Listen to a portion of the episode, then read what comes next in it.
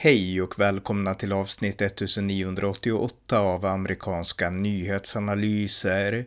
En konservativ podcast med mig, Ronny Berggren, som kan stödjas på swishnummer 070-30 28 95 0. Här följer ett samtal med den judiske komikern och debattören Aron Flam om kriget mellan Israel och terroristorganisationen Hamas och vikten av att stå upp mot antisemitism och värna västerländsk demokratisk civilisation. Varmt välkomna! Aron Flam, välkommen! Tack så mycket Ronny. Du är ju en välkänd debattör och du är en poddare och du är en komiker och alla möjliga saker och du behöver väl inte egentligen någon närmare introduktion här. Men det är första gången som du gästar min podd och eh, du har blivit väldigt, eh, alltså det som har väckt mitt intresse för dig det är att du har blivit en väldigt tydlig röst i den här frågan som rör kriget mellan Israel och Hamas. Och eh, bara kort så här inledningsvis, alltså din bakgrund, du är dels jude och så, men alltså alla judar är ju inte engagerade i politik och sådär. Så att vad är det som har verkligen fått dig att engagera är så mycket i den här frågan nu som rör kriget mellan Israel och Hamas? Ja, men, um, jag har ju växt upp uh, som svensk jude. Och uh, det har ju alltid varit så att Sverige, under mitt liv i alla fall, har varit pro-palestinskt. Det har varit stora demonstrationer varje gång det händer någonting där nere. Uh, och jag själv har då dels en rätt sionistisk uppfostran Eh, från att ha gått i judisk skola. Men sen har jag varit ute i, i det svenska samhället i alla andra sammanhang eh, och då får man i sig eh, den andra sidans argument. Och då tvingas man väldigt noggrant eh, brottas med de här två helt olika, alltså eh, eh totalt disparata historieskrivningarna. Eh, och de här historieskrivningarna påverkar inte bara hur man ser på konflikten nere i Israel utan det påverkar liksom hur man ser på hela världen.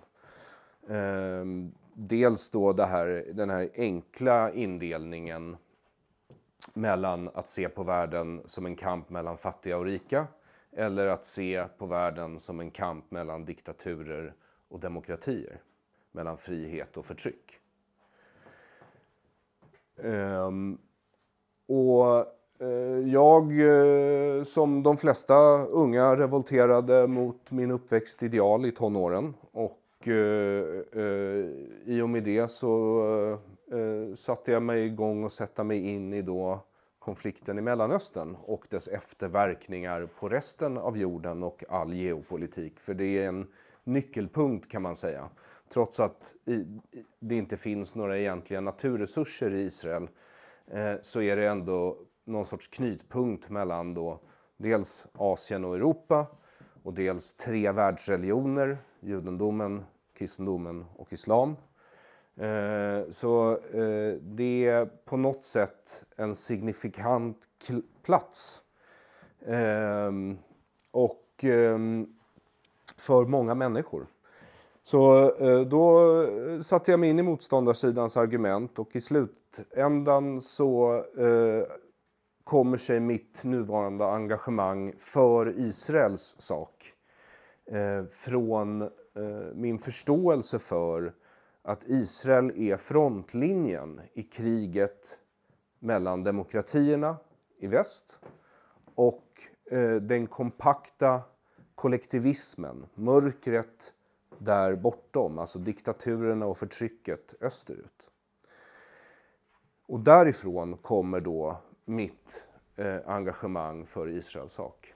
Just det, men intressant. Men det innebär ändå alltså att det här engagemanget kommer utifrån ganska grundliga reflektioner. Alltså du ifrågasatte liksom, du ifrågasatte liksom det här sionismen och så också. sen kom du bara fram till att, alltså efter reflektioner kom du fram till att Israel är rätt att stödja.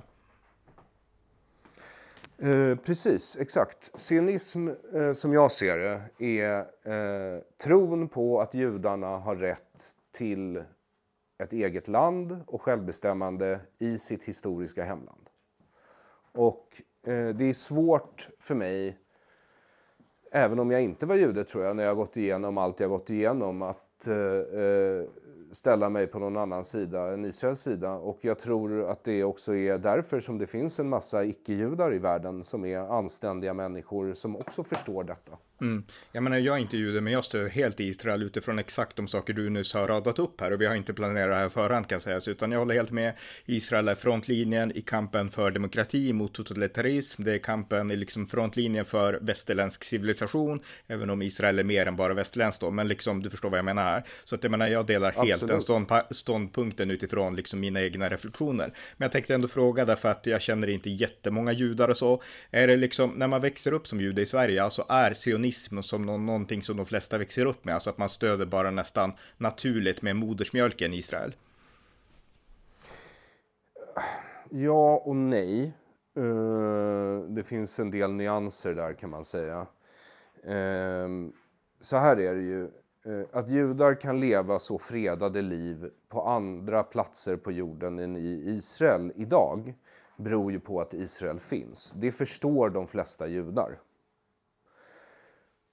Sen så skulle jag nog säga att eh, eh, judarna i Sverige är väldigt väl assimilerade och många av dem eh, är säkert eh, sossar eh, och sådär.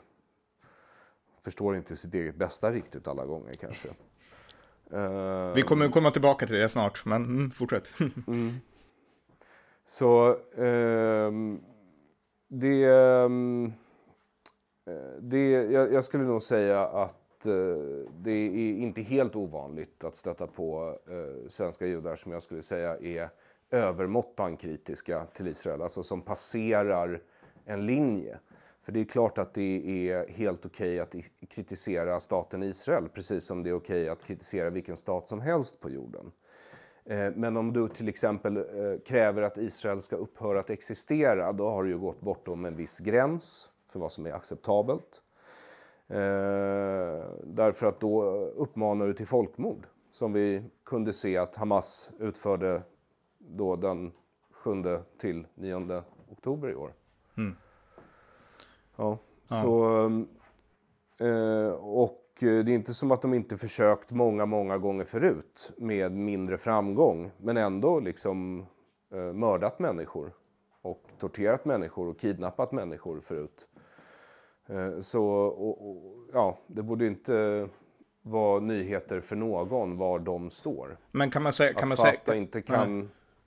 Ja, kan, kan, kan, man, nej, men men kan man säga då att, alltså bara för att, alltså att judar växer upp med, med naturlig förståelse ändå, än kanske svensken i gemen, för att Israel är viktigt? Det tror jag, absolut. Mm. Just det. Mm. Mm. Eh, ja, nej, men om vi går vidare lite grann då. Så, eh, som jag sa tidigare, vi känner ju inte varandra så inte alls egentligen, men när jag började liksom läsa om dig och följa dig, du vart ju ganska känd för några år sedan, inte minst bland de här som liksom försöker kritisera socialismen och du har skrivit eh, en bok, En svensk tiger och eh, alltså du, du är känd inom de här liksom poddkretsarna och sådär. Men jag minns att när jag började... Har du läst det här, En svensk tiger? Nej, jag har inte läst den, förlåt. Uh, nej, det är ingen fara. Det finns ju mycket böcker att läsa och man hinner inte läsa allt. Även om den här, uh, speciellt med situationen just nu i åtanke, har visat sig vara väldigt viktig. Den, uh, har, den har inte kommit ut ordentligt kan man säga i media utan det har skrivits mycket om åtalet och sen så har folk sågat den längs med fotknölarna för mer eller mindre påhittade förseelser. Mm. och eh, jag vill bara påpeka att första tredjedelen av boken handlar ju alltså om hur de svenska socialdemokraterna går i bräschen för att knyta an till PLO. Som på den tiden i hela västvärlden anses vara en terrorrörelse. Mycket intressant. Mm. och, de här mm. och de här kontakterna börjar knytas i mitten av 60-talet och Palme är ju den första västerländska statschef som i sin kapacitet som statschef träffar Yassir Arafat och det händer 1974 i Alger. Ett år ungefär efter oljekrisen börjar.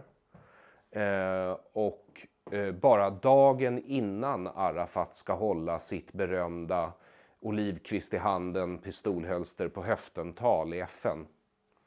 Mm. Eh, så han ger liksom Arafat legitimitet strax innan Arafat ska få hålla det här avgörande talet för den palestinska saken i FN. 1974. Mm, mycket intressant alltså och eh, det visste jag inte att din bok tar upp de sakerna för att jag vill återkomma, vi ska snart gå in på Israel och det här men alltså orsaken till att jag inte köpte boken när den kom och läste den det var att jag fick ändå vissa så här, jag vet inte om det är fördomar, det är det jag tänkte försöka reda ut med dig nu men jag minns att du hade de här slogans, socialism och ondska och så vidare och för mig så lät det där väldigt hårt och väldigt så här, okej, okay, liksom en liksom högerpopulist som driver på socialism och ondska och världen är väldigt svartvit. Men Ron, Ronny, ja, ja. får jag bara säga, ja. det, det det där, nu antar ju du vänsterns narrativ om mig. Ja, men det, Därför att det, det, jag, jag försöker säga. Jag, komiker, jag, jag är ju, mm. ja, jag är ju komiker i grunden. Och vad jag gjorde när jag gick ut på deras första majtåg med en krossa socialismen-skylt och på baksidan står det eh, socialism är ondska och sen är det faktiskt ett hjärta där. Och det är ju för att man då ska eh, skilja på människor och ideologi. Eh, men jag gjorde det som en spegling av att vänstern på alla de här demonstrationerna alltid har massa skyltar där det står krossa kapitalismen. Mm. Vilket är ett precis lika hårt språkbruk. Så det här var alltså min, mitt försök som komiker att spegla vänstern och hur de faktiskt talar. De, för de, och just i, i, den tiden också så talade ju vänstern hela tiden om ton. Ja men herregud, tänk på din ton. Jaha, men samtidigt så sjunger ni krossa sionismen på Sveriges gator och att ni ska liksom skjuta raketer och missiler och sen bygga upp ert land till socialismen på judiska barns och, och, och, och gamla förintelseöverlevares benknotor. Eh, och, och, jag kan, och, och går jag med en skylt där det står krossa socialismen, då, herregud vad folk greppar sina pärlhalsband. Liksom. Mm. Så du får förstå att det finns ju en komik i vad jag gjorde. Och ett visst mod måste du ju ändå tillstå eftersom jag ensam gick ut med en skylt bland cirka 3000 socialister och lyckades dela deras tåg. Mm. Eh, men jag, jag, håller med om det, i synnerhet nu. Men alltså då var det mer att jag såg det där och sen så gjorde jag inga större reflektioner. Jag tänkte okej, okay, extremt populistiskt liksom och sådär. Och sen så brydde jag mig inte så mycket. Så att det var egentligen, det här är inget djupt utan det var bara liksom en allmän reflektion. Men det som har gjort sen att jag verkligen har fått upp uppmärksamheten för dig på ett otroligt positivt sätt. Det är ditt totalt genuina försvar nu för Israel. Därför att jag menar att Eh, Eh, vissa, nu förstår jag att även jag har haft fel då i synen på dig och liksom det du gjorde när det var krossa socialismen och så. Men min tanke det var att det var en ytlig framställning av socialismen, att socialismen är ond och det kanske man kan tycka att den är då, alltså rakt igenom och rutten och sådär. Men Eh, och att man då gör det enkelt. Men idag så tänker jag så här att när man hela tiden försöker prata om nyanser, att man måste vara nyanserad, man måste vara liksom, man måste ha alla sidor i åtanke. När det appliceras nu på det som händer mellan Israel och Hamas, då relativiserar man och då gör det så att man på något sätt jämför moraliskt, de döda i Palestina med de döda i Israel. Det finns inga likheter liksom på det moraliska planet skulle jag säga alls. Vi kommer att komma in på det. Men här har ju du verkligen, du har absolut inte gått i den fällan, just därför att du har de här tydliga, glasklara synen på saker och ting. Man kan göra skillnad på gott och ont och det har verkligen tjänat dig väl i den här Israel-debatten. Så jag skulle säga att du har blivit en av de mest moraliskt mest klanskytta rösterna i den här debatten i Sverige, skulle jag vilja säga då.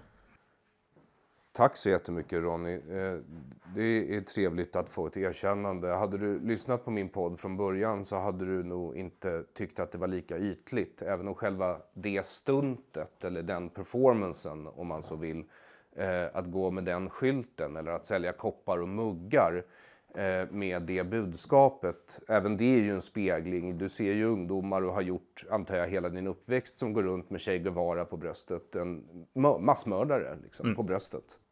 Ja. Eh, så så eh, jag, jag, jag, förstår att den här speglingen jag har gjort, den har inte landat helt väl hos alla. Eh, men eh, som komiker kan man inte göra alla nöjda. Jag tyckte det var roligt. Eh, så, och jag tycker dessutom det är någonting som blir mer och mer absurt och roligare med tiden allt eftersom mer och mer om socialdemokratins, och jag gillar inte att ens kalla dem demokrater, deras liksom illdåd uppdagas. Och du kan tycka att min kritik är ytlig. Jag tycker att socialism är antingen ondska eller dumhet och ibland är det svårt att skilja de två. Men, men eh, den är inte så ytlig utan det är ju på något sätt är det liksom dödssynden avund omsatt i politisk praktik. Och eh, det slutar aldrig väl. Så Eh, det de har gjort till dygder inom socialismen, det är ju eh, inte dygder utan det, det är ju eh, fruktansvärda ideal. Mm. Nej men alltså jag är, jag är inte emot det alls utan jag är ändå snarare beredd att hålla med. Speciellt nu när vi kommer till Hamas och liksom alltså Socialdemokraternas alltså, inställning i hela liksom Israel-Palestina-frågan. Så att eh, jag liksom lutar mer och mer åt ditt håll vill jag också liksom bara flika in där då. Ja, tack. Mm, ja. Uh, ja. men Ehm, ja, vad, vad, ska vi prata mer om? Nej, men jag tänkte så här, alltså om vi kommer till, alltså nu har det gått en månad, det här kriget mellan Israel och Hamas och i början så var det så att, eh, alltså efter den 7 oktober, det var en fruktansvärd dag för, jag skulle säga för hela världen, jag var ju en sån här som hängde med i, alltså när det var, när krig mot terrorismen började, Al-Qaidas attack mot USA den 11 september 2001, det formade mig verkligen och jag tycker att det som hände den 7 oktober, nu är jag lite äldre så man formas inte på samma sätt, men liksom det påverkade verkligen tydligt och jag tycker att det borde vara ett uppvaknande för hela världen, att få att göra ett nytt moraliskt ställningstagande i Israel-Palestina-frågan, för Israel helt klart, eh, och så. Och från början, alltså första dygnen, första dygnet kanske bara till och med, då fick ju Israel väldigt mycket sympati från nästan, inte exakt hela, men från nästan hela världen och absolut från i princip hela Sverige. Sen efter en månads krig, då har ju det här vänt totalt. Och det jag tänkte prata om det är alltså dina tankar kring alltså hur man har gått från sympati till antipati mot Israel under en månads tid och dina tankar om det. Uh, ja, så här är det ju. Uh, jag har ju bevakat den här konflikten väldigt länge uh, och hur massmedia bevakar den och hur det skrivs om den och talas om den. Eh, och jag blev ju faktiskt uppriktigt förvånad över hur starka fördömandena var eh, när de kom, de första 24 till 48 timmarna. Men jag visste samtidigt att vändningen skulle komma. Därför att så här är det. Vad som hände var att Hamas filmade sina egna övergrepp och livesände dem på internet. Så det gick inte att titta bort. Och i vanliga fall när det kommer till terror mot israeler eller brott mot judar så syns inte det i nyheterna. Det överslätas. Det skrivs inte om det på samma sätt som om till exempel judar måste döda palestinier för att de försöker döda dem. Ehm, och då syns det plötsligt massor med bilder därför att det är vad Hamas och PLO gör de arrangerar den här typen av bilder. De vill att deras egen befolkning ska dö. Det finns ingen stringer, ingen frilansare på Gazaremsan eller Västbanken som inte är godkända av de som styr Gazaremsan respektive Västbanken. Det betyder att om ett västerländskt nyhetsmedium rapporterar från Gaza via Stringer, en frilansare, då är den frilansaren minst av allt godkänd av Hamas kanske till och med är Hamas. Mm. Och det här behandlas som likvärdig information av media. Men när Hamas livesänder sina egna brott på internet så att alla kan se hur de torterar, sätter människor i brand levande, våldtar, mördar barn, mördar äldre, mördar ungdomar på en musikfestival. Då går det inte att blunda för längre helt plötsligt. Och då vaknade något, tror jag, i allmänheten. I allmänhetens medvetanden vaknade någonting, en förståelse för Israels situation som inte har funnits där tidigare, för den har inte tillåtits finnas där tidigare. Och det ser man ju också i, det, i vändningen. För det tog ändå några dygn för västerländsk massmedia, vårt eget public service och all pressstödsmedia vi har, att vakna till liv och få igång den här sedvanliga eh, eh, narrativet som de alltid har, nämligen att Israel är förövare och palestinierna är stackars offer. De är så oskyldiga. Mm. Eh, men när de väl börjar sparka igång det och när de väl börjar organisera sig, för det måste man ändå ge vänstern, de är mycket bättre på att organisera sig än borgerligheten är. Jag antar att de inte har lika viktiga saker att göra eh, en vardagskväll eller en helg där, än att stå och hata judar. Men, eh, men så är det i alla fall. Så när den här eh, mediamaskinen kickar igång efter ja, 48 timmar eh, och hugger tag i att aha, nu, nu går Israel tydligen in och försöker mörda terroristerna. Är det verkligen rätt? Det är frågan de ställer. Mm. Och sen så börjar de fixera sig vid siffror, vid antal. Som att det handlar om antal. Det handlar givetvis inte om antal. Västerländer, västländer mördar betydligt fler civila när de bedriver militära kampanjer än vad Israel gör. Israel är försiktiga. Mm. Men, men i det här fallet så, så har liksom den största pogromen på judar inte bara skett utan liksom eh, livesänds på internet. Så om Israel nu inte återetablerar sin avskräckningsförmåga, alltså eh, budskapet att i Israel kan judar leva i säkerhet och trygghet och frihet. Inte bara judar, även andra än judar, men där kan de göra det. Mm. Det lyckades Hamas slå hål på. Det är liksom motsvarande 19 och en halv utöja som Hamas utförde i Israel. Ja, om jag, om jag får skjuta in en sak där, för jag tänker att vändningen, alltså när jag följde media och med, med det som hände, alltså attacken, och det här var ju alltså terrorister, det här, vi måste, det här var Isis liksom inne i Israel, alltså det var ju Hamas Ja. i, i, med Isis-metoder inne i Israel, alltså det, det går inte nog betona det, och jag är väldigt glad att både Joe Biden och, alltså inte bara självklart Israel, men även Joe Biden och många i USA har verkligen sagt att det här är, det här är Isis ungefär, det är jag glad för. Men, men vändningen tyckte jag kom när det var, det var det här sjukhuset då, det var en ja, en bombning sa man, eller man trodde, man spekulerade, en bombning av det här sjukhuset i Gaza. Och i princip på en gång så kunde alla inse att det här är, vi vet inte exakt vad som hänt. Och Israel, alla med lite vett fattar ju att Israel bombar inte medvetet ett sjukhus, det gör man liksom inte. Så alla som kunde någonting, jag kunde mycket, insåg att vi måste vänta, vi måste granska lite grann. Med rubrikerna och det var även i USA, men kanske än mer i Sverige, det var ju liksom ett narrativ, Magdalena Andersson spelade med, att Israel, åh vad fruktansvärt fruktansvärt. Så det var punkten för mig när jag insåg att oj, nu börjar det vända. Var det det för dig också eller började det redan tidigare för dig? Alltså medianarrativet. Nej, tidigare mm. tror jag mm. eh, faktiskt. Men, men, man kunde ju se det komma. Därför att i princip så var det så, det fanns redan stora grupper i Sverige och på andra håll i världen som alltså var ute och firade när det skedde. Mm. Och eh, för dem var det liksom... De hade ingen sympati för israelerna. De firade deras död. Mm, då firade Hamas liksom och det, det de betraktade och, som Hamas seger i princip. Ja, och det tror jag också många vanliga människor i Sverige såg med förskräckelse och skam på.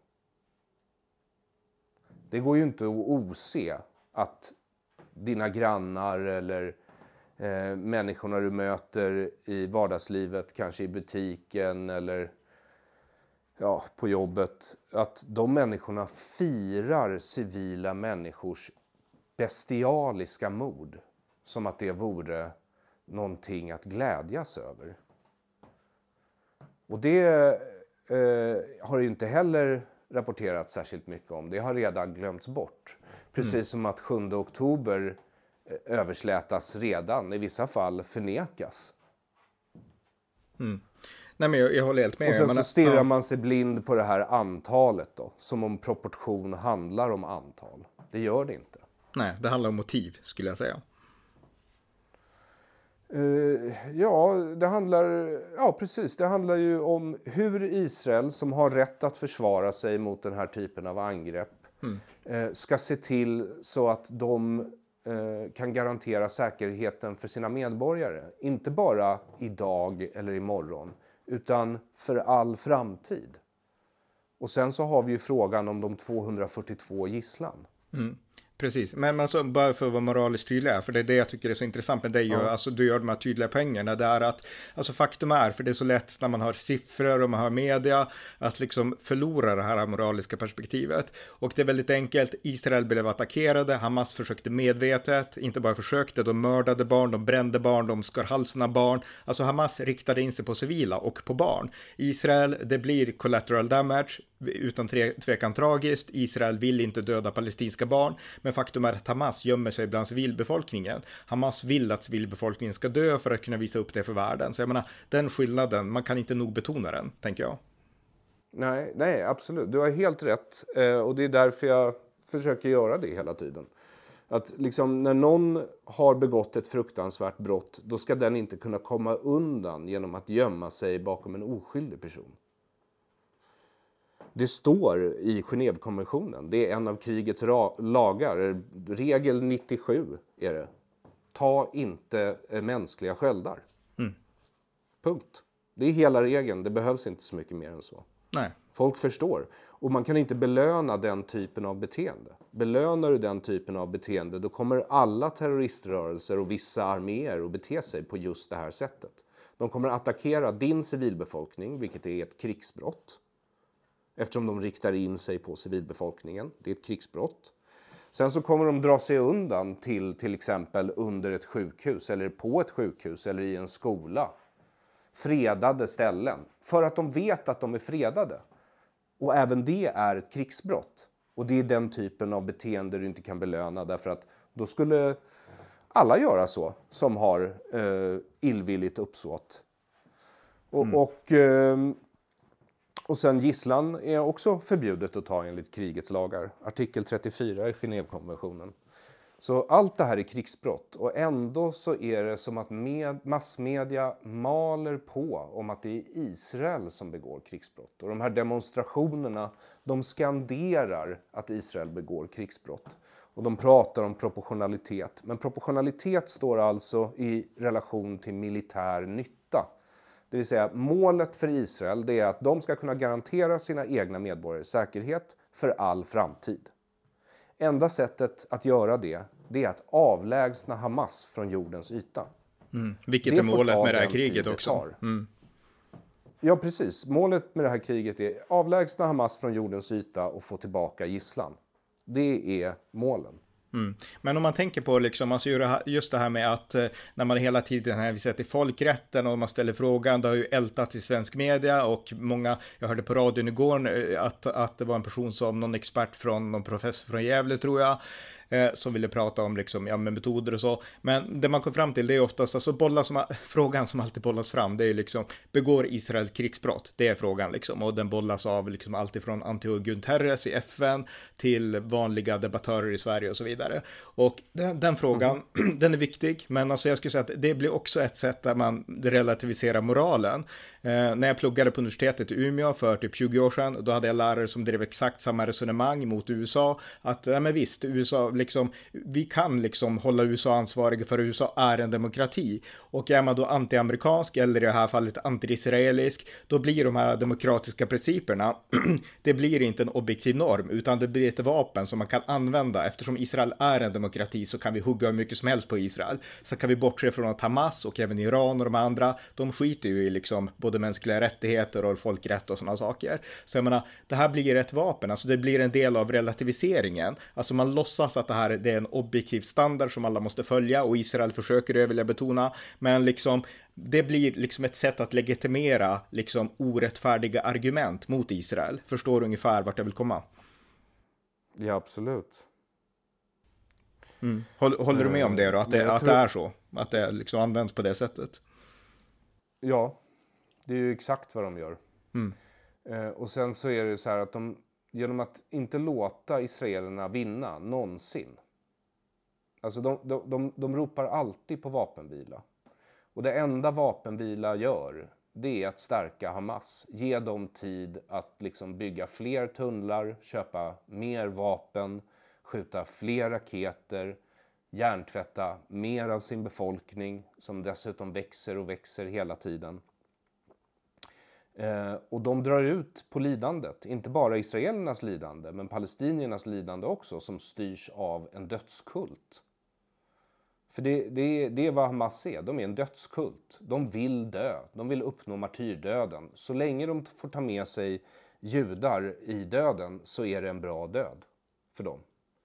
Ja, alltså det, det missas nästan också, alltså att Hamas verkligen är fanatiker. Alltså det här är ju inte, det här är inte, ett, det är inte två länder som kämpar mot varandra, utan det är, och inte bara mot en terroriströrelse, utan det här är en fanatisk sektrörelse som tror på, alltså, alltså det belyser man nästan aldrig i Sverige, vad Hamas är. Nej, att det står i deras stadgar. De är intresserade av folkmord på judar. Det, det är vad de vill. Och de är inte intresserade av någon tvåstatslösning alls. Inte alls. De, de, de har helt förkastat det. Mm. Så eh, Israel har bara ett, ett val och det är att få bort dem helt enkelt. Mm. Och har man den synen? Det, alltså, alltså tiden för ord är över. Det finns inget att prata om. Nej.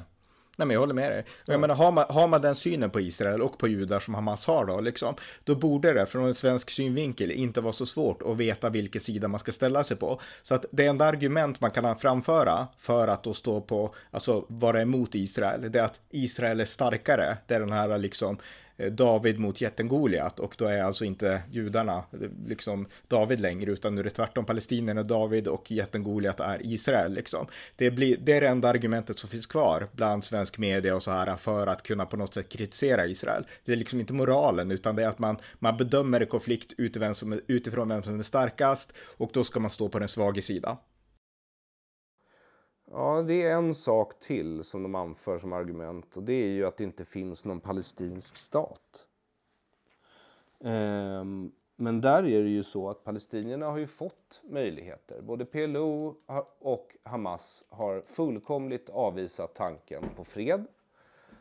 Och när man frågar deras anhängare eh, så här, jaha, men var ska, var, var ska den palestinska staten vara? Då säger de, ja, från Jordanfloden till Medelhavet. Jaha, där Israel ligger idag. Och, och, Hamas säger ju att de slåss mot ockupanterna men de styr ju i Gaza som Israel lämnade 2005. Mm. Så de har ju redan eh, sin egen mark. De hade kunnat använda tiden till att grunda sin egen stat. Men det har de inte gjort. De har lagt den på att eh, kunna eh, anfalla Israel istället. På att bedriva terrorkrig mot Israel. Mm. Det är vad de har lagt alla sina resurser på. Men alltså det är också en peng som inte framkommer tydligt nog för att jag, jag hängde med ganska mycket i Israels politik då, 2005, när Israel under höken, Ariel Sharon, gav Gaza till, eh, ja, till palestinierna då. Och eh, man hoppades då, ja men det var, det var liksom pengar flödade in från det internationella samfundet, även från det judiska, judiska communityt, där man då köpte upp växthus och liknande inne i Gaza för att ge till palestinierna, så att de skulle kunna förvalta marken mm. och sådana saker. Och vi ska komma ihåg att IDF, den israeliska militären, tvångsförflyttade ju de israeliska bosättarna. Så IDF gick in och förflyttade de judiska bosättarna från Gaza för att ge Gaza mm. till palestinierna. Så man gjorde verkligen allt för den här principen land mot fred. Eh, och vad hände? Palestinierna kom in, man krossade sönder de här växthusen för miljontals dollar och man byggde raketramper. Och sen dess så har man skjutit mm. från Gaza, alltså den mark man fick av Israel, så har man skjutit 10 000 raketer under de här åren in mot Israel. Så jag menar, den poängen, jag menar, om det är någonting som på något sätt legitimerar att nu har Israel tröttnat, så borde det vara inte bara terroristattacken, utan också den här förgrundshistorien. Och den framkommer ju aldrig, tycker jag, på ett tydligt nog och moraliskt sätt i svensk media. Du har helt rätt. Eh, överlag så är det ju så att eh, svensk media, eh, starkare än många andra västerländska media skulle jag säga, men även andra västerländska media, så är det ju många av dem som drivs av det här narrativet, alltså att världen består av en kamp mellan fattiga och rika. Och du kanske tycker att det låter ytligt och sådär när man säger på det sättet, men de tror det. Och det innebär ju att de skriver under på den socialistiska världsbilden.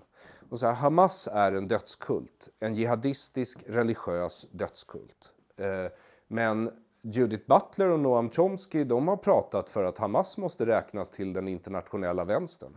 Liksom Iran, som är alltså en fascistisk teokrati. Eh, så det. Ja. Det, man måste liksom kunna koppla ihop, Typ, eh, eh, connect the dots som man säger på engelska. Om du tittar på alla terrorrörelser i världen de senaste 20 till 40 åren så är de allra flesta islamistiska och näst flest, hundratals, är socialistiska. Socialdemokraternas systerparti Fatah skryter om att ha en eller deras påstått väpnade gren då, Al-Aqsa-martyrernas brigader. De har deltagit i, i massakrer tidigare och i den den 7 oktober i år. Där de filmade det precis som alla andra grupper och skröt om sina illdåd. Mm. Eh, och de är alltså den väpnade grenen till Fatah som är so de svenska socialdemokraternas systerparti som vi har skickat otroliga mängder eh, pengar och utbildningar och resurser till. Mm. Som de har använt till absolut ingenting. På Västbanken är de idag en diktatur.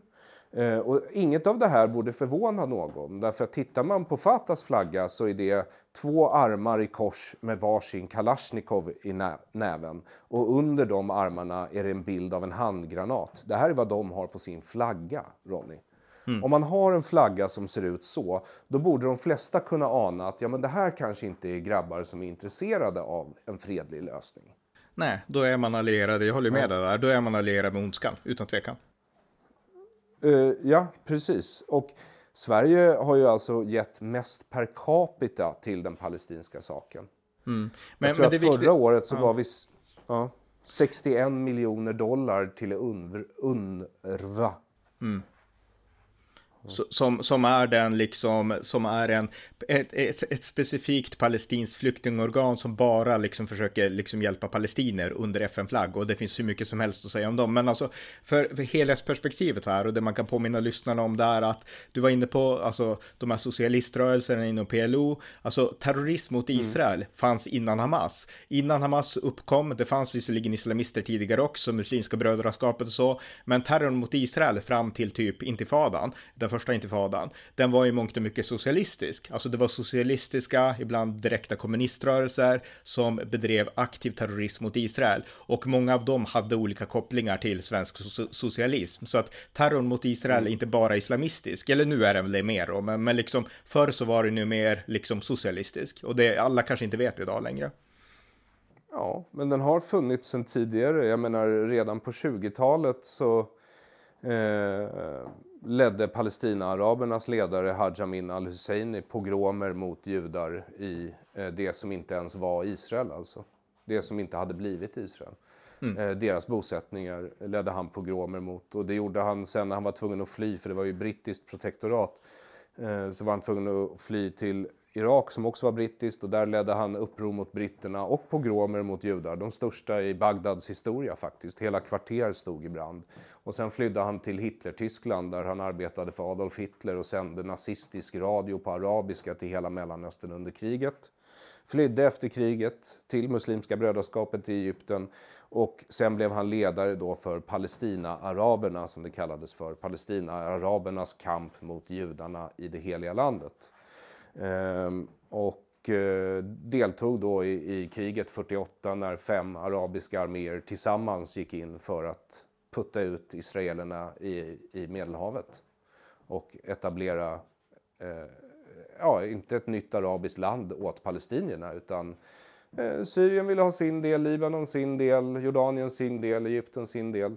Förstår du vad jag menar? Det var liksom mm. inte fråga om att palestinierna skulle ha något land. Det fanns inget som kallades för palestinierna då. Det började först 1967 med Arafat. Mm. Men den här mannen som du nämner, jag vet ju vem han är, men kan du säga hans namn igen? Därför att det är så intressant, de flesta svenskar vet ju inte heller det. Jag har precis som du läst den här boken av Johan Lundberg som beskriver den här personen ganska ingående. Och det här var alltså en person mm. som stod direkt allierad med Hitler. För jag menar, även om vi kan relativisera fortfarande, tyvärr, Hamas och relativisera islamism, för vi begriper den inte här i Sverige, så är det ju ingen som, eller Nej, alltså i teorin i alla fall så relativiserar vi inte nazismen. Till och med vänster tycker ju i teorin att nazismen är ond. Så jag menar, där har vi, här har vi en person som alltså han var muslim, han var arab och så, men han var allierad med Hitler. Mm. Kan, du, kan du börja säga hans namn igen och berätta lite kort om honom? Ja, alltså, han kallades för Hitlers mufti. Eh, hans namn var Haj Amin al-Husseini. Eh, och eh, han var den som bland annat lyckades övertyga den muslimska världen om att Jerusalem var en viktig helig plats för muslimer. Mecka och Medina är ju alltid etta och tvåa så att säga. Eh, och innan det här så fanns det nästan inget intresse för Jerusalem överhuvudtaget bland världens muslimer. Men han lyckades övertyga om att det här var viktigt och han eh, ledde kampen då eh, de först, den första tiden fram till 67 ungefär när Arafat tog över. Och Arafat arbetade ju för al-Husseini tidigare och al-Husseini var alltså eh, en, eh, det var två saker han var bra på. Att fly och eh, hata judar. Eh, så det var det han gjorde under hela sitt liv. Han gjorde det innan Israel bildades, han gjorde det i Irak. Han eh, åkte till Hitler i, i, i, Tyskland, han fick besöka koncentrationsläger och då sa han nu kan jag dö lycklig nu när jag vet att det finns ett svar på vad vi ska göra med judarna. Eh, han grundade en eh, muslimsk SS-division i, i Bosnien eh, som eh, stod redo att utrota judar som redan bodde i, i då, eh, det som skulle bli Israel eh, på den tiden. Och sen eh, då Muslimska brödraskapet. Så, eh, och jag skriver också en hel del om honom i min bok eftersom han är Arafats föregångare och ja, kanske någon sorts mentor, vem vet. Mm. Och Arafat själv som tar över 67, skälet till att han gör om den här kampen från en arabisk-israelisk kamp till eh, en kamp för det nypåhittade folket palestinierna mot de elaka judarna eh, som symbol för imperialismen och väst och kapitalism och rikedom och allt sånt där. Eh, de, den idén kom ju från Sovjetunionen som eh, hade rekryterat Arafat. Så eh, Arafats PLO var ju liksom en eh, Sovjetsponsrad gerillarörelse och de tyckte att det passade deras eh, marketing, deras PR bättre om Arafat och PLO och palestinierna var ett folk och en befrielserörelse ungefär som de satellitstater och proxys som Sovjet försökte få till i Afrika och Sydamerika och Latinamerika och sådär. Mm. Eh, så, eh, eh, så det var därifrån den här idén kom. Och de svenska socialdemokraterna, de österrikiska socialdemokraterna och de västtyska socialdemokraterna var Sovjetunionen väldigt behjälpliga i det här arbetet med att mm. legitimera Arafats terrorrörelse. Därför att även efter att de hade tagit, tagit emot Arafat med öppna armar och Eh, släppt in eh, Fatah i, i socialistinternationalen och sådär så, så, eh, så fortsatte ju eh, Fatah och närliggande rörelser, ungefär som nuvarande Al-Aqsa-martyrernas brigader, eh, fortsatte ju med terrordåd mot eh, civila israeler och civila judar överallt på jorden. Okej, okay, intressant. Så att man kan säga då direkt eller indirekt då alltså att Sovjetunionen bidrog till att socialister som svenska socialdemokrater fick den här pro-palestinska inställningen? Eh, absolut. Eh, här, ja, ja, utan tvekan. Eh, det är ju en del av den sovjetiska historieskrivningen som är en värld där eh, då fattiga kämpar mot rika. Mm, intressant. Och jag tänkte också, innan vi går vidare, alltså vi kan också betona det här när vi pratar om eh, alltså palestinier. Faktum är att palestinier i grund och botten är araber och det här var precis som du var inne på nu, men bara för att förtydliga, alltså palestinier som idé, som en egen folkgrupp, den uppkom liksom, det, det är en artificiell skapelse. I grund och botten så är palestinier araber och araber bor överallt i liksom arabvärlden. Ja, ja, bland de som kallas palestinier så finns det araber som har bott eh, i, i landområdet som idag är Israel och de omstridda områdena i tusentals år. Det finns. Det finns också en stor eh, arabisk befolkning invandrad från Egypten. Jag menar Arafat själv föddes ju i Kairo till exempel. Eh, och de kom dels under eh, Palestinamandatet, alltså när eh, britterna förvaltade Eh, det som hade tillhört det ottomanska riket åt Nationernas förbund, alltså företrädaren för FN. Så, så förvaltade de Palestinamandatet. Och eh, när de började eh, liksom kolon, eh, bedriva kolonialpolitik där eh, så uppstod massa arbetstillfällen och det kom eh, araber från Egypten och det kom araber från Syrien och Libanon eh, eh för att arbeta. Och det kom kurder och det kom turkar. Eh, och Eh, det sionistiska projektet, alltså judarnas idé om att bygga ett hemland eh, i Palestinamandatet eh, bidrog ju också till massa arbetstillfällen. De byggde vägar, de byggde byar och städer.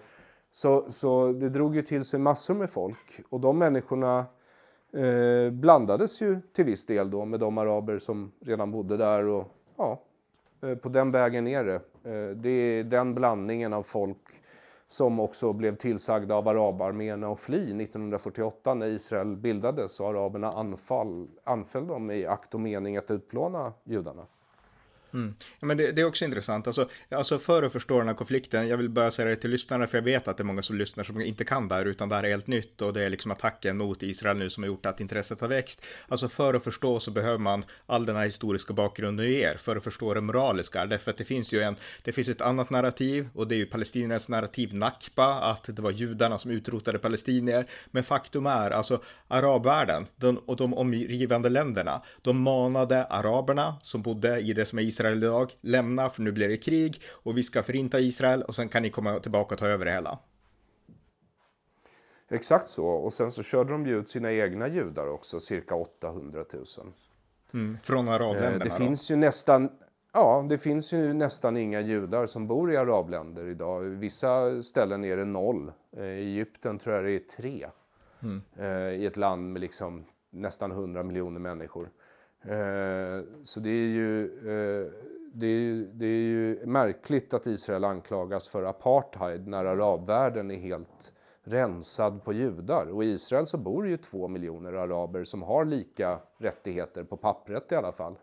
Eh, och det är mer rättigheter än någon arab har i något arabland.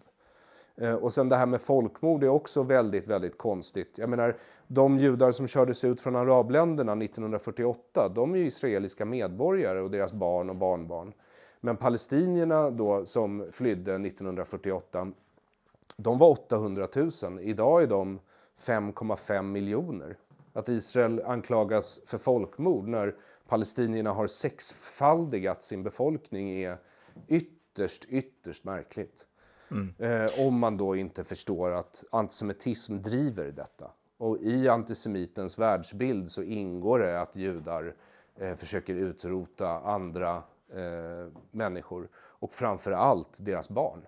Ja, om vi gör en brygga tillbaka till kriget nu då, därför att faktum är att eh, Hamas är den sista, jag menar Israel föddes 1948, den 15 maj, och sedan dess så har de omgivande arabländerna bedrivit fyra stora krig i att försöka utrota Israel. Alltså, för oss är det här självklara mm. fakta, för alla som läser om det här vet ju att det var så, men för många svenskar så är det inte det. Men det var ett krig från grannländerna kring pyttelilla Israel eh, 1948, 1956, 1967 och 1973 när det gick väldigt, alltså Israel låg väldigt illa till. Eh, efter det så vände ja. det lite grann och eh, sen kom inte fadan och de här terrorrörelserna och så snarare då. Men det har ändå varit försök ja, men... till ut... Ja. Ja, men Israel fick ju fred med Egypten 79 eh, i utbyte mot att de lämnade tillbaka Sinai-halvön. Egypten hade anfallit Israel. Eh, Israel gick till motanfall och lyckades eh, ta hela Sinai-halvön som en buffertzon. Eh, och den lämnade Israel tillbaka i utbyte mot fred, vilket de fick 1979. Vill jag bara mm. sticka in. Ja, ja men exakt. Och jag menar, eh, men det man kan säga är att Hamas, alltså varför de här länderna gav upp, det är ju, kontentan är egentligen att de gav inte upp för att de egentligen tyckte att Israel, vi älskar Israel och självklart ska judarna få en stat här och ha Jerusalem och så. Det var inte det de tyckte, utan de slutade att kriga mot Israel för de insåg att vi kan inte förinta Israel, det är vi som förlorar. Det, det är liksom det som är grunden till att det här inte, alltså Hamas är ju den sista rörelsen och kanske Iran då från distans, men Hamas är de sista som aktivt försöker ut utrota Israel. Medan liksom alla omgivande länder, de insett att det går inte. Det är liksom, eh, liksom de har gett upp ungefär. Ja, men du har eh, i, stor, i stort rätt. Alltså, de, de gav upp, man kan säga så här, först så bytte de strategi till då den här sovjetiska strategin. Och den höll de på med i årtionden. Jag menar, Saudi skickade pengar till Hamas och sådär. Eh, det, det, det, det, finns i historien. Men Eh, Eh, allt eftersom de förlorade intresset även för det och insåg att de dels kan tjäna mer på att ha normala relationer, affärsrelationer med Israel. Arabländerna har liksom kommit till den insikten. Men dels också för att motverka Iran. Alltså då, Saudi är ju livrädda för Iran och många av Gulfstaterna är, är livrädda för Iran. Eh, och de är beredda att faktiskt normalisera sina relationer med Israel för att liksom, eh, vad är det man säger, stämma i bäcken eller eh, trycka tillbaka Iran helt enkelt. Mm. Ja, precis. Och eh, alltså, men om vi går tillbaka nu då till lite grann kriget och det som händer och analyserna som görs. Alltså Israel bombar ju nu, eh, alltså Hamas, man försöker sluta Hamas och jag tycker att dels till att börja med, jag är extremt imponerad av hur Israel sköter det här. Jag menar Israel har samlat som nation. Jag menar innan det här kriget så var det enorm inrikespolitisk splittring i Israel. Men den 7 oktober gjorde att hela landet enade sig oavsett om man var liberal jude eller ortodox jude eller om man var alltså höger, vänster, Netanyahu, anti Netanyahu. Nationen insåg att nu är vi hotade, vi måste stå upp tillsammans och man gjorde det alltså extremt proffsigt. Alltså man samlade ihop liksom rekryter från hela världen till IDF och man liksom, man har ju de här häftiga talespersonerna, du känner ju en Jonathan Carnicus tror jag han heter va? Eh, som som ja. är alltså, de är proffs när de pratar med media, det är sällan man ser personer som verkligen kan hantera alla frågor så lugnt, så tryggt och så liksom, jag vet inte, de är ju skitcoola tycker jag, eh, inför hela världen liksom. Så att jag menar, Jättesnabbt så ställde Israel om och insåg att vi måste gå in i ett försvarskrig och då kom den här vändningen som var inne i början, alltså att världens sympati förbyttes mot antipati och eh, nu mm. har man ju liksom nu diskuterar man ju lite grann gisslan också, för alla förstår att liksom det finns 240 israeler cirka där inne i Gaza i tunnlarna eller vart de nu hålls. Och jag hörde då en expert på, eh, på radion igår, han är professor i Gävle, heter Lars Johan Ånge och han menade då att han skulle vara någon slags gisslanexpert och han menade då att eh, när man har med gisslan att göra, då måste man ju diskutera med de här som har tagit dem till fånga och när Israel bombar Gaza, det är den sämsta tänkbara strategi sa han för att få hem gisslan. Och det var väldigt så här, eh, det lät som att man ville dissa Israel bara för att dissa Israel. Och jag tänker då liksom att, jag menar Israel om någon, om det är någon som bryr sig om de här gisslan och vill få hem dem, det lär ju inte vara Sverige, utan det lär ju vara Israel tänkte jag. Så jag menar Israel måste göra förmodligen precis motsatt bedömning, nämligen att enda sättet att påverka Hamas, det är att slå dem så hårt att de fattar att ja, vi har inget annat val än att liksom gå med på något slags snabbt utbyte av gisslan därför att annars kommer vi att typ dö, tänkte jag. Eh, eh, vad tänker du om det liksom? För jag tycker Israel, att det var så typiskt svenskt. Mm. Alltså, jag tänker att professor Ånge inte verkar förstå eh, någonting om Mellanöstern faktiskt. Eh, så, här, så här är det. Eh, Israel har ställt som krav att de, det kommer inte bli någon vapenvila förrän gisslan lämnas tillbaka ovillkorligt. Det är helt rätt strategi. Allt annat är en seger för Hamas där de kan dra ut på tiden eh, och släppa några få gisslan i taget.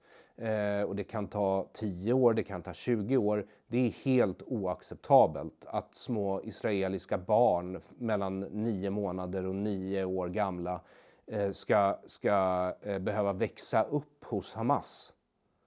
Eh, det, det, det går inte för sig. Så Israel har sagt att de kan gå med på vapenvila om alla gisslan släpps direkt. Och det är Hamas enda chans att få andas ytterligare några få dagar. Men i det långa loppet så är det så att människor som utför den här typen av bestialiska dåd, du får komma ihåg att eh, den första och andra vågen terrorister som tog sig ut från Gaza för att våldta, mörda, tortera och plundra, de var tränade terrorister. Eh, men den tredje vågen var vanliga Gazabor som rusade ut för att delta det är en extremt radikaliserad befolkning eh, som befinner sig på Gazaremsan. Gazaremsan är ett fort. Varenda hem i princip har en liten nedgång till en tunnel. Alla deltar i den här dödskulten. Och om man inte deltar, då blir man mördad. Hmm. Och det här har fått pågå i ett och ett halvt decennium. Alltså Hamas har styrt Gaza i ett och ett halvt decennium. Under den tiden har de byggt upp otroliga vapenlager. Det måste det vara därför att det fortsätter regna raketer mot Israel. Mm. Antalet har sjunkit lite, men det är fortfarande hundratals om dagen. Och de har ju räknat med att Israel ska gå till motattack. Det är ju en del i deras strategi och plan. De vill att deras egna civila ska dö. De vill att de flesta av deras egna terrorister ska dö, alltså bli martyrer för mm. Allah. Så att, försöka, så, att försöka, förhandla med Hamas om gisslan, alltså det, då spelar man Hamas i händerna helt enkelt. Ja, ja det är eh, fullkomligt vansinne. Ungefär som att förhandla med Hitler innan, eh, ja, som Chamberlain gjorde. Mm. Ja, man kan ju förhandla, men då ska ja. det ske efter att Hamas inser att vi får stryk. Alltså vi måste förhandla ur totalt underläge, för annars är det kört för oss. Och det är det som är Israels mål. Jag menar, han verkar inte heller förstå att i den där regionen, alltså det finns en mentalitet som vi i Sverige, jag är inte van vid den, många svenskar är inte det, men just det här med att man måste visa styrka. För i Sverige har vi det här att man måste visa lågaffektivt bemötande. Det är vägen framåt, vad man än gör liksom. Men alla som kan ja. Mellanöstern och liksom islamvärlden, de vet att det man respekterar där, det är styrka. Och kan man inte visa styrka, då blir man överkörd ungefär. Och det, det verkar man inte heller förstå i ja. Sverige. Nej, om Israel inte försvar, alltså om Israel inte avlägsnar Hamas från jordens yta, jag kan inte upprepa det tillräckligt många gånger, då eh, bjuder det in till andra anfall från Hezbollah eller eh, kanske Libanon och Syrien. Vem vet om Egypten och Libanon eh, och Jordanien är beredda att hålla freden om de uppfattar att Israel är så svaga att de kan ta dem. Dessutom så är en seger för Hamas, en vapenvila bara för Hamas, det är ju en inspiration till resten av världens terrorrörelser. Att jaha, men så här kan vi göra, vi kommer belönas för det beteendet. Istället för att säga till världens terrorrörelser, om ni beter er som Hamas har gjort, då kommer ni upphöra att existera. Det är det enda sättet att bemöta det här. Allt annat är en inbjudan till mer våld. Ja, precis. Och det är det som liksom vi i Sverige måste begripa. Och vi får ingen förståelse för de här spelreglerna, för det här är de facto spelregler. Vi får ingen förståelse för det om vi bara följer svensk media, för de är inte kapabla, alltså, alltså de förstår inte det här, eller de vill inte förstå. Ehm, men jag tänkte också att om vi ska avrunda med en sista sak då, alltså det här är ju, det är ett krig som pågår där mellan Israel och Hamas, men det finns också en konflikt i Europa och tyvärr i väst. Eh, jag menar de här pro-Palestina, pro-Hamas-demonstrationerna, det är inte bara i Mellanöstern, det är inte bara i muslimvärlden, utan det är definitivt i Europa, men till och med i ett så ändå Israelvänligt land som USA så finns de. Och eh, judisk minoritet har blivit utsatta för saker i Europa och i Nordamerika och jag menar även i väst. Och eh, jag menar, du är jude och så. Så jag menar, vad tänker du dels om judars situation i Europa idag? Eh, och dels om det faktum att vi har så många som, eh, jag menar i grund och botten är de ju inte svenskar, som har kommit de senaste årtiondena till väst, till Sverige och som är så här totalt liksom antisemitiska och israelhatiska. Vad är dina tankar om, om de sakerna? Jag vet inte om du är medveten om det, men vi spelar ju in det här den 9 november och det är ju kristallnatten. Alltså åminnelsen av kristallnatten. Jag vet såklart, jag tänkte inte på det men... Mm, mm.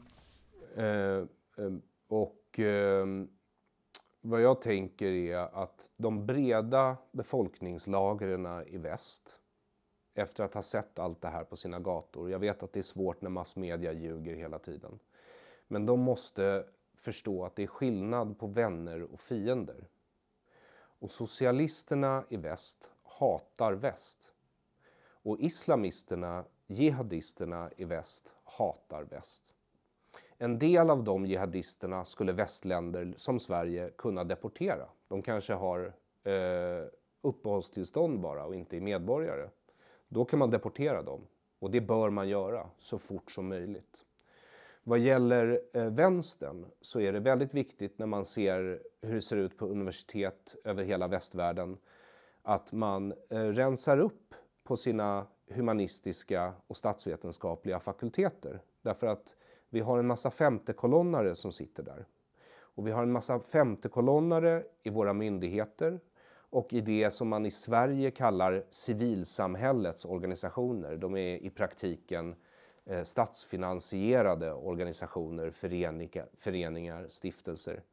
eh, som sysslar med till exempel bistånd till palestinierna, det är, eh, det är någonting som är en spottloska i ansiktet på mig eh, som jude, som svensk. Eh, därför att det här har inte bara med att jag är jude att göra, det har också med någon sorts tro på universell moral att göra. Om man ställer sig på eh, den sidan som Hamas tillhör, då, då har man inte längre en moralisk kompass. Man är bankrutt. Mm. Man måste ansöka om konkurs då. Mm. Ja. Eh, men alltså... Eh. Så, så, ja. Mm. Nej men, nej, men ungefär. Men jag tänker så här, alltså, det, det, visar verkligen att Sverige är ändå ett land som har försökt, vi låtsas som att nazismen var det hemskaste som någonsin hände. Och när jag säger vi låtsas så, jag menar, nu kan vi i praktiken se att liksom det pratas oftast från vänsterhåll, inte minst, vi måste passa oss för 30-talet, att 30-talet inte kommer tillbaka. Mm. Men man definierar aldrig vad det var och det var judehat, alltså i 30, på 30-talet i Tyskland, men även, ja, men även här i Sverige fanns det. Eh, och så, och det är det som har kommit tillbaks nu, men det kommer tillbaks i en form som inte passar vänsternarrativet. Och det gör att man blundar. Och jag menar, om man är seriös i att liksom aldrig igen, alltså aldrig nazism igen, då måste man ju på något sätt inse att vi har nazism nu i en ny skepnad, i en islamistisk klädnad. Och det har inte liksom den breda allmänheten vaknat upp inför. Men alltså nu om någonsin är väckarklockan, tänker jag. Verkligen. Och eh, nu när vi spelar in, eftersom det är den 9 november, så ska lyssnaren veta att det här är en åminnelsedag av kristallnatten som vi inte bara firar med sorg utan även med en viss rädsla. Därför att det är eh, numera så att vi alla är eh, mål för terrorister. Men det gäller svenskar också efter Bryssel. Så borde ju svenskarna vara medvetna om att de är också terrormål bara för att de är svenskar. Mm. Så eh, det, är, det är hög tid nu att väst vaknar upp och tar tag i sina mycket, mycket stora problem. Föregående generationer har tyvärr vilat på sina lagrar något och förslösat en stor del av vår förmögenhet. Så vi måste hitta våra talanger och vi måste förvalta dem och vi måste börja eh, ja, eh, diskutera etik och moral igen. Mm.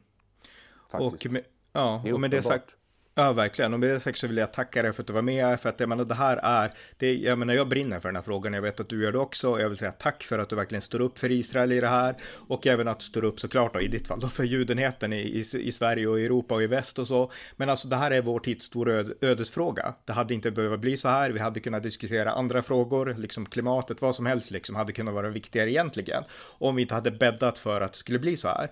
Men nu har vi ganska, jag vet inte hur snabbt, men vi har hamnat i den här situationen. Och vi måste ta den på allvar. Alltså det här är liksom den moraliska skiljelinjen. Och jag kan ju säga att jag som ändå är en fan av USA och Storbritannien också, vilken moralisk skillnad det finns ändå mellan den anglosaxiska världen och det kontinentala Europa. Jag tycker det är en enorm skillnad, liksom, när man kan liksom göra de här klarsynta ställningstaganden på ett helt annat sätt. Så jag menar, vi måste vakna upp i Europa i synnerhet och i Sverige och inse att vi måste stå upp för judars rätt att fritt vara judar i Europa, för Israels rätt på, ja men dels rätten att vara en demokrati som lever i fred och frihet, men också att Israel är frontlinjen i det här kriget mot jihadistisk terror. Och jag tycker att det är både intressant men också väldigt välkommet att så många i Israel från Netanyahu till många andra har sagt att Europa står på tur, att ni måste inse att vi står mellan er och jihadisterna, ni står på tur. Och jag menar, jag tycker att det borde också vara en väckarklocka. Så att eh, med de orden, du kanske vill säga något mer, men tack Aron för att du var med här. Stort tack för att eh, du lät mig vara med Ronny. Eh, och jag hoppas att du kan tänka dig att läsa min bok nu. ja, kan, det ska jag göra. Det lovar jag att göra. Precis, den ska jag köpa och läsa. Så tack så mycket. Tack. Tack för att ni har lyssnat på amerikanska nyhetsanalyser som kan stödjas på swishnummer 070-30 28 95 0 eller via hemsidan på Paypal, Patreon eller bankkonto. Skänk också gärna en donation till valfri Ukraina-hjälp eller Israelinsamling. Allt gott tills nästa gång.